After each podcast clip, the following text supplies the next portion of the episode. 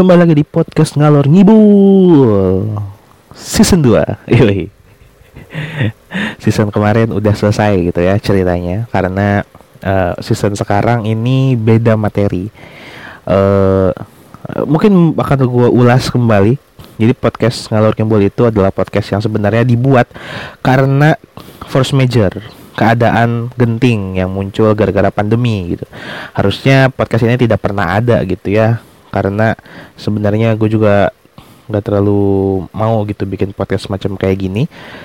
Tapi karena kebutuhan memberikan materi ke siswa gitu ya kebetulan gue ngajar di salah satu sekolah SMA jadi gue butuh media untuk mengajarkan menjelaskan materi yang gue pahamin ke siswa gue gitu. Jadi uh, akhirnya dibuatlah podcast seperti ini kayak gitu.